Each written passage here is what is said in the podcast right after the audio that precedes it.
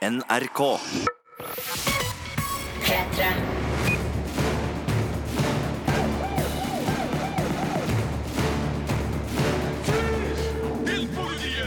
Velkommen til Filmpolitiets podkast. I studio i dag har vi Sigurd Vik.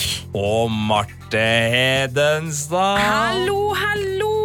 I denne podkasten skal du få anmeldelse av ukas kinopremierer 'Snømannen' og 'Natta pappa henta oss'. Det skal du, i tillegg til en real seriegodbit for true crime og krimelskere, fordi Mindhunter er nå ute på Netflix. En serie basert på virkelig FBI- og seriemorderhistorie, og som jeg syns var ganske så god. Og det er jo ikke den eneste serien vi skal snakke litt om i denne podkasten. Nei, for nå har jo The Riverdale sesong to hatt premiere, og vi er veldig glad i den serien, så vi må bare snakke litt om eh, sesongpremieren. Og så skal vi jo gi deg noen gode tips for hvilke skrekkfilmer du kan kanskje kose deg med nå i oktober. Ja, for det er jo fredag 13. på denne innspillingsdagen. Yes. Og om du hører på en annen dag, herlighet, hver dag er jo skrekkfilmdag, egentlig, hvis du vil. Filmpolitiet. Filmpolitiet anmelder TV-serie. 40 years ago, your FBI was founded hunting down John Dillinger. Now, we have extreme violence between strangers. We travel around the country and teach FBI techniques to cops. You guys mind if I bother you for a minute?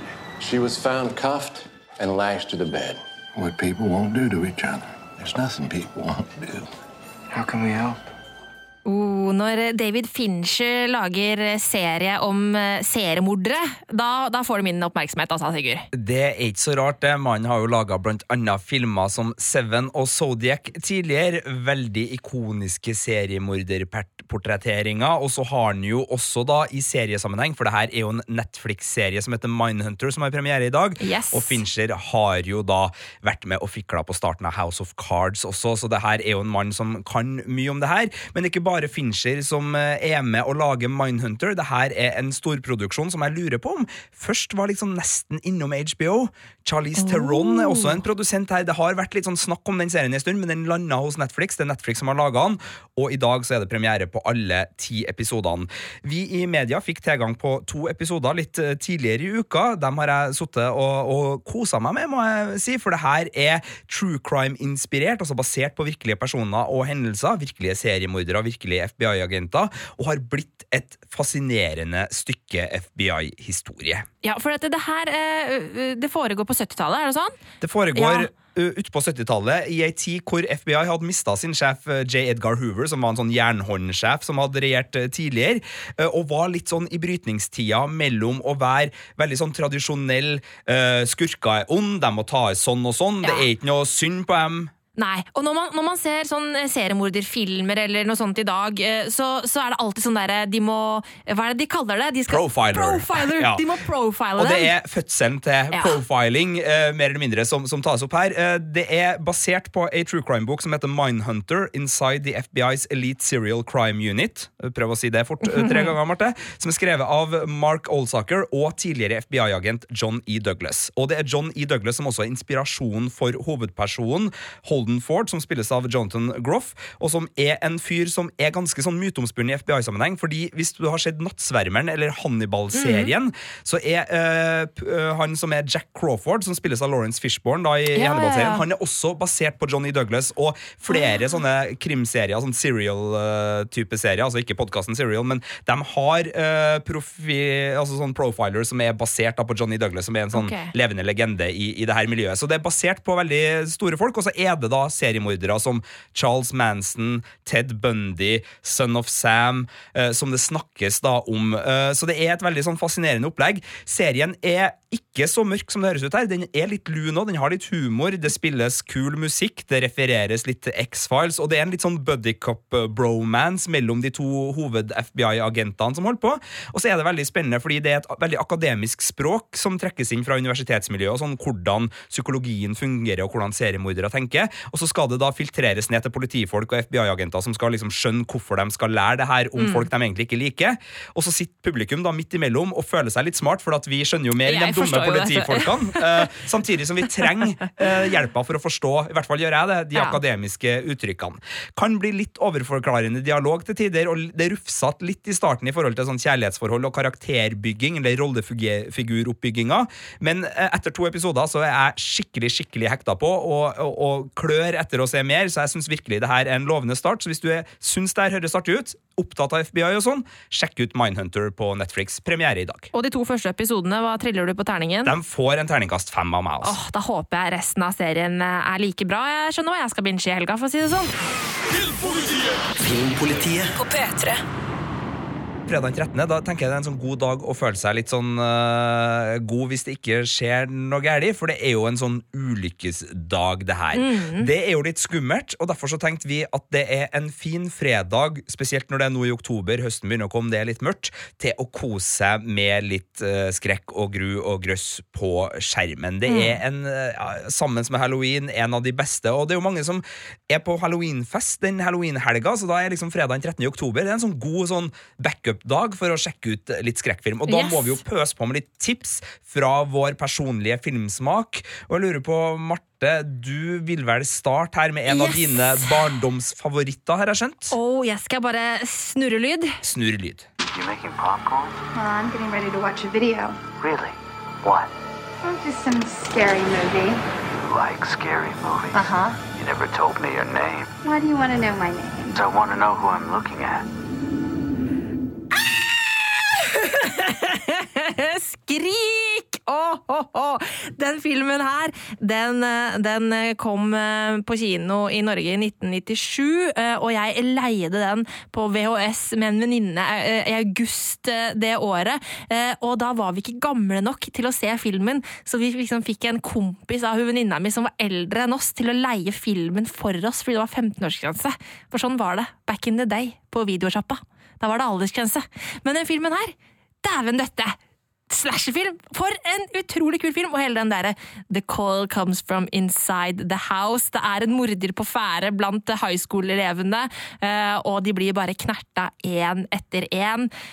Det er en ganske god film fortsatt i dag, altså ti år etter. Ja, fordi den føles mer ekte som For det er jo en slags skrekkfilmparodi eh, som også er en skrekkfilm. Ja. Og i motsetning til alle de scary moviene som kom etterpå, og oppfølgerne til Skrik og, og det vi har sett, så, så er det en, en nerve i den her som gjør det Mm. litt artig. Og det eh, kan jo være fordi at det var den første at man gir den litt ekstra kred for det, men, men jeg syns den er mer original da i sin eh, sjangerparodi. Ja, for den Eh, leker med alle disse skrekkfilmtropene. og ikke ha sex, for Ja. da dør du. Ikke si 'I'll be right back', Yes! for da dør du, og så. Så den er artig, den er lun, og så har den jo masse gode skuespillere. Drew Barrymore, New Campbell Mm. Yes, og så videre. Så jeg, jeg støtter deg på det tipset. Så hvis du ikke har sett Scream, eller har lyst til å bare se igjen Scream, så er det her Ja. en perfekt fredag for det. Ja, og det her var jo en film som også satte i gang hele den slasher-runden som, som var på slutten av 90-tallet, med masse filmer i denne sjangeren. Eh, Så den er absolutt verdt å få med seg, altså. Jeg vil ta oss til en litt nyere film som var på kino i fjor, og som nå er ute i butikker og på strømmetjenester. Den ligger vel ikke på Netflix, så vidt jeg vet, men det skal være mulig å få tak i den på, på strømming, i hvert fall hvis man går til typ iTunes. Det er en eh, fransk kannibalfilm som heter Raw, som er et eksempel på den nye bølgen av skrekkfilmer som vi har hatt, som er litt smarte skrekkfilmer.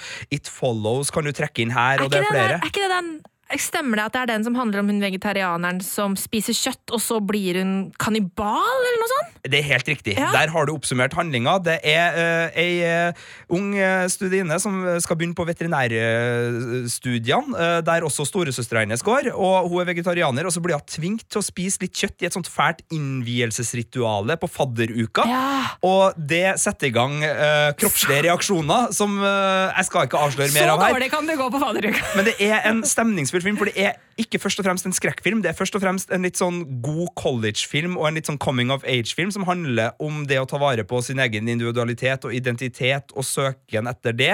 Eh, Men så er det jo også Det er den eneste filmen jeg har sett på kino som har fått meg til å brekke meg. Oi, altså faktisk såpass? brekke meg, For det er noen scener Oi, her som er ikke nødvendigvis grotesk, men de er Så hvis du skal se den her i kveld, ikke gjør gjør det mens du spiser fredagstacoen. Før fredagstacoen. Eventuelt, Eh, eh, eller etter. Eventuelt ikke ta fredagstaco. Nei, ok, hva jeg sier ja, eh, Samme det, men Raw i hvert fall. God anbefaling, og så er det en liten en på tampen Som jeg må bare slenge med. Det er Fright Night Av uh, uh, Craig Gillespie Som er en remake Ok?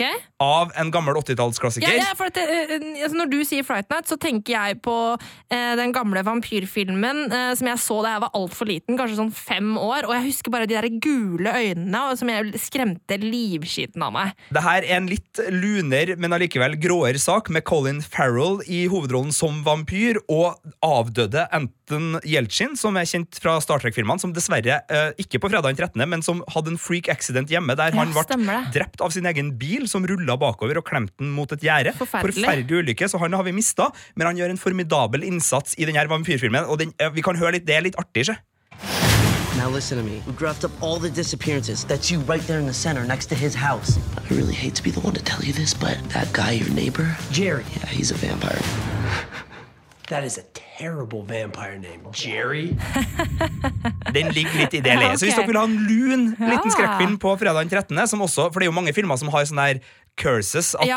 eh, skuespillere har dødd. ja, sånn som Poltergeist, da døde det jo eh, skuespillere, tre skuespillere tror jeg totalt etter eh, innspillingen, og jeg vet også at Eksorsisten har noe sånn der skumle greier ved seg. Så, Og The Crow. The Crow døde jo Ja. hovedrolleinnehaveren. Altså, nei, det, så det her vi, Er det ikke litt skummelt å se sånne filmer? Vi, vi, vi, litt lune skrekkfilmer som dette, synes det, lik, det liker jeg bedre, kjenner jeg. Det er valgfritt. Folk kan velge, Ja, men da greit. har dere i hvert fall fått noen tips til å sette Ja. i gang søkemotoren, og så ha en god fredag 13. Så kan du jo selvfølgelig alltids se den gode gamle eh, klassikeren Fredag den 13. også, da. Nei, den er Det- altfor skummel. Drit i det. Drit i det. P3. Filmpolitiet anmelder film. Ingen kjenner byen bedre enn oss. Vi er på 200 meter fra skolen, 150 meter fra mammas pub og 300 meter fra parken. Ja, det her var lyd fra natta pappa henta meg, eh, Sigurd. En eh, dokumentar som har kinopremiere i dag. Hva er det her for en film? Det er en norsk dokumentarfilm laga av Stefan Strandberg, som forteller ei veldig personlig historie for han, nemlig historia om han og brorens oppvekst på Sørlandet eh, hos ei mor som eh, var alkoholiker. Og det er en sint og ærlig og fin og stemningsfull dokumentar som forteller ei historie det er lett å kjenne igjen, og som man kan føle at man har hørt før. Her er det historie om stadige skuffelser og stadige lovnader og, og ting man kan kjenne igjen både fra kanskje venner, kanskje egen, eget liv, og, og, og ikke minst fra, fra ulike fiksjonshistorier. Men det eh, Stefan Strandberg gjør eh, som gjør at det her blir en så sterk opplevelse, er at han har sentrert den rundt en del sterke minner som han husker fra sin egen barndom, som han har brukt animasjoner for å få fram, og eh, både skuespillerstemmer og sin egen fortellerstemme, og han har et så fokus på detaljer at det her blir så levende og sterkt at det Mm. virkelig kommer under huden og blir en del av det. Og det er også musikk, blant annet av Erlend Ropstad, som, som gjør at det her blir en sånn film som luller deg inn i sitt eget tempo og sin egen eh, verden, og, og fester seg. Den er ikke lang, den er bare på ca. 70 minutter, men det er absolutt en film som klarer å gi meg ganske mye på den tida. Mm. Men det her er jo en film som, uh, som da skildrer barndommen veldig fra altså, dette ene perspektivet, og hvordan moren uh, er en alkoholikeren og som på en måte har ødelagt uh, barndommen. Får vi noe andre Får vi liksom se den andre siden av saken her? Det gjør vi til dels ikke. Mor her er død, men Strandberg reflekterer jo rundt sin egen, sitt eget sinne og sin egen, sitt eget forhold til mora. Og Ja. vi hører også at broren har uh, hatt kontakt med mora, og, og, så det, det kommer Men jeg, jeg klarer ikke helt å vri meg bort fra det faktum at eh, det er et eller annet i kroppen min som syns at her burde mor ha Noen burde ha uh, utvida bildet da, av mor, for det er jo, blir et ganske ensretta. Samtidig så er filmen veldig ærlig på sin subjektivitet, og at det her er et dypt personlig prosjekt. Mm. Så det er ikke noe som, som ødelegger for filmens prosjekt eh, i så måte, for den er så ærlig på eh, hvor den kommer fra, og hva den forteller. At man, den, den prøver ikke å, å, å i hermetegn bedra tilskueren på noe sånt vis. Og jeg syns også det er veldig ærlig å bruke animasjoner, for ofte så bruker jo dokumentarfilmer rekonstruksjon. Ja, og da kan det være litt sånn vanskelig å plutselig skille mellom hva som er eh, Hva rekonstruksjon som og virkelighet og sånn. Ja, Men ved å bruke animasjon, som også andre dokumentarfilmer har gjort til veldig stor effekt eh, Vals med Bashir er kanskje den Mm. mest kjente. Også eh, Kurt Cobain, Nirvana-frontfigurens dokumentar eh, A Montage of Heck Mm. gjør også mye av det samme. Bruker stemme og, og animere. Så jeg syns det er et veldig ærlig virkemiddel i, i så måte, og det skaper jo noen veldig sånn såre og, og vakre øyeblikk. Så, så hvis du syns det her er, eh, høres spennende ut, så er det både en filmatisk spennende film og ei, ei sterk historie, så jeg anbefaler absolutt eh, 'Natta pappa henta oss' eh, som en kinofilm for helga, hvis du er interessert i den slags. Mm, terningkast. Det er en soleklar femmer. Soleklar femmer fra Sigurd til natta pappa henta oss. Filmpolitiet. Does that sound good to you? På P3. Sigurd og jeg er på plass her i studio, og nå Sigurd, skal det handle om noe vi har gleda oss lenge til, egentlig. Det har det, for i går så kom endelig sesong to av den herlige high school krimdramaserien Riverdale. Help, please! Someone help me, my dad! Granny! What happened to him? He was, he was shot. Arch. Came out of the bathroom and there was this man wearing this hood with a gun on pop tape, and then he pointed it at my dad and fired. And then he And then he what? La oss bare si det. Det fins grunner til at jeg og Marte Henstad er veldig glad i Riverdale, og det fins grunner til at dere der ute er også det. Eh, Marte, hvorfor syns du Riverdale eh, har vært en så kul serie? Nei, altså Det er jo en, eh, en serie som, som på en måte minner oss litt sånn der, Den er jo en nostalgisk type serie her, som minner oss om litt andre serier, Twin Peaks blant annet, og alt mulig sånt. Og så eh, digger jeg den derre high school-mysteriegreia. Eh, vi befinner oss på en high, en, en high school, eh, og det skjer saker og ting, og det er sånn jeg bare elsker den derre småby Uh, greia, uh, og liksom alle disse intrigene som skjer uh, i en liten by, der det òg kan finne på å skje mystiske ting. Så det er en sånn god stemning i Riverdale, rett og slett. Det er en god og mystisk stemning basert på tegneserien Mm. Archie, Ja. eh, som er stor i USA, som hadde en storhetstid her i Norge òg på, på 90-tallet, men som eh, da ikke er, er blant de aller største nå, og som har hatt også en vending til det litt mørke. For det var en Mm. veldig sånn kjernesunn 50-tallsungdomsserie, men har hatt en, eh, en vending, eh, og som funker veldig godt synes jeg, i det her nye universet. Du har hatt kjente skuespillere fra 90- og 80-tallet som Molly Ringwald, Luke Mm. Perry, som har kommet og gitt en litt sånn vibb av Beverly Hills eh, Ja. og, og sånne ting. Og så har du da den her kombinasjonen av eh, intriger, tenåringsdramatikk, kjærlighet, uh, mord, uh, bikergjenger. Det er litt sånn, ikke overnaturlige, men noe litt sånn mystisk. Som, altså man, man føler at neonlyset lyser opp byen, men Ja. det som skjer i utkanten, Mm. der er det rare ting. Ja. Og så starta det da eh, med sesong eh, to i går. Vi skal ikke avsløre så mye av eh, hva som skjedde. Vi vil bare anbefale folk å sjekke det ut. Men hva syns du om sesongpremieren? Um, jeg um, har både pros and cons på den. Jeg, jeg liker at vi liksom virkelig bare plukker opp direkte eh, etter den cliffhangeren som sesong én slutta med. Eh, men så, så Og det er noe av problemet. For jeg, jeg digga forrige sesong, men den hadde noen svakheter. Og det er det at den ofte spilte opp til at ting skulle være veldig mystisk, og og, eh, og at det her så var det noen hemmeligheter på gang. Og så når den hemmeligheten ble avslørt, så var det ikke alltid det var så veldig spennende likevel hele tida. Og sånn var sesongpremieren lite grann. Det var et sånt derre punkt eh, som Uh, hvor hovedpersonen uh, Archie da har en hemmelighet han bærer på, og når vi endelig får vite hva det er, så, så var det liksom Å ja, var det bare det? Ja, så det var litt sånn antiklimaktisk for min del. Ja, det er en sånn, men det er en sånn typisk sett opp rykkene på nytt-episode, og Ja. de blir ofte litt seig og litt teit, fordi du, har, du, du, land, eller du kommer i gang da, etter en høydramatisk sesongfinale som egentlig Mm. varte i flere episoder på tampen av sesong én. og så sitter du der og vil at historien skal fortsette, men da skrur de jo ned tempoet Ja. noe helt vanvittig, og skal bygge opp masse mysterier igjen. Og det er jo spesielt eh, en person som kommer inn her som vi ikke vet hvem er, som Mm. bruker finlandssettet, såpass mye kan vi vel si, som blir det store sånn Ikke hvem- finlandshette! Det er en, en hette som man har klippa hull i selv. Ok, det som er ikke, beklager merke, Ja. merkevareglippen eh, der. Ja.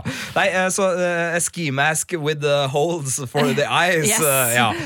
Men, men jeg har jo trua på at det skal komme i gang igjen, for alt det som var Mm. bra med sesong én, ligger jo der og lurer. Alt fra neonbelysninga til den ekstremt heslige kvinnelige Og hva heter hun, hun rødhåra Ja, ja, å, ja. Står det stilt. Hun liksom dronninga på skolen. Ja. Hun, hva heter hun? Herregud! Uh, Cher Cheryl Blossom. Cheryl Blossom er det. Hun mm. er jo der også, og, Ja. og er klar for nye uh, intriger, så, så jeg er gira. Absolutt. Litt uh, tam start, men for all del, Riverdale er tilbake, og vi liker det. Ja, og jeg elsker at vi nå får oktober liksom, til å begynne å kose oss med det. For det er, det er en serie som passer på høsten, Riverdale. Altså. P3. Filmpolitiet anmelder film. A woman vanished last night. We just found the body. And the head is missing. Nesbøs Harry Hole-serie tar vi oss et lite dypdykk inn i sinnet til en skada, men briljant politimann. Dessverre har rollefigurens dybde forsvunnet i overgangen fra bok til kinolerret, og med seg har den tatt den intense spenningen som har gjort Snømannen til en internasjonal bestselger. Igjen står en helt standard og ganske kjedelig krimfortelling som aldri lar meg kjenne hjertet i halsen. Når snøen faller i Oslos gater, forsvinner en kvinne fra hjemmet sitt. Hun etterlater seg mann og barn, men utenfor huset har en ny figur dukket opp. En snømann som stirrer inn. Den fordrukne politietterforskeren Harry Hole, spilt av Michael Fassbender, og hans nye kollega Katrine Bratt, spilt av Rebecca Ferguson, tar saken. Snart forsvinner enda en kvinne, og det viser seg at en seriemorder er på ferde. Building snowmen, cutting things up into little pieces. He's taunting us. Noe av det som gjør Jo Nesbøs bøker så interessante, er det som skjer inni hodet på Harry Hole. I filmen kommer vi imidlertid aldri ordentlig bak det forfylla blikket til Michael Fassbender. Det er tydelig at oppbyggingen av rollefigurene har blitt nedprioritert til fordel for handling. Problemet med dette er at handlingen ikke blir interessant når rollefigurene ikke har blitt godt nok etablert, og vi ikke bryr oss om dem. Do you actually think he killed them? I don't know. Visuelt så klarer regissør Thomas Alfredsson og fotograf Dion Bibi å sette stemninga, men det eksperimenteres på ingen måte med formspråket. Vi får det vi har blitt vant til å se i nordisk noir, med kameraføring erketypisk for sjangeren. Filming gjennom vinduer, kjøringer over snødekt landskap, det kalde lyset, de tomme kontorlokalene, de mørke gatene. It doesn't have to be a disadvantage, young lady. Det er en gjennomgående følelse av uutnyttet potensial i Alfredssons film. Jakten på morderen blir aldri nervepirrende, mordene blir aldri skremmende, og rollegalleriet blir aldri interessant. Det er ganske imponerende at en film som handler om en seriemorder som bytter om hodet på snømenn og lik, faktisk klarer å bli kjedelig, men filmen evner ikke å skape spenning underveis eller bygge opp til thrilleren den forsøker å være mot slutten. Nei, jeg må nesten benytte meg av klisjeen. Les heller boka. You could have saved them. No. Gave you all the clues. Terningkast to. Filmpolitiet.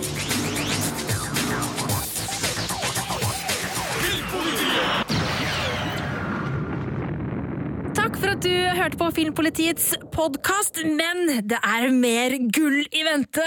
Ja, Vi hørte jo at du ikke var veldig begeistra for Snømannen her, Marte. Men eh, vi skal snakke mer om Snømannen i en annen podkast, hvor vi sammenligner boka og filmen, og ikke minst hvor Birger Vestmo har møtt skuespiller Michael Fassbender, skuespiller Rebecca Ferguson og regissør Thomas Alfredsson. Så hvis du er gira på å høre mer om Snømannen, sjekk ut den andre podkasten her til Filmpolitiet, og så høres vi igjen neste fredag i Filmpolitiets podkast. Du finner flere podkaster på p3.no podkast.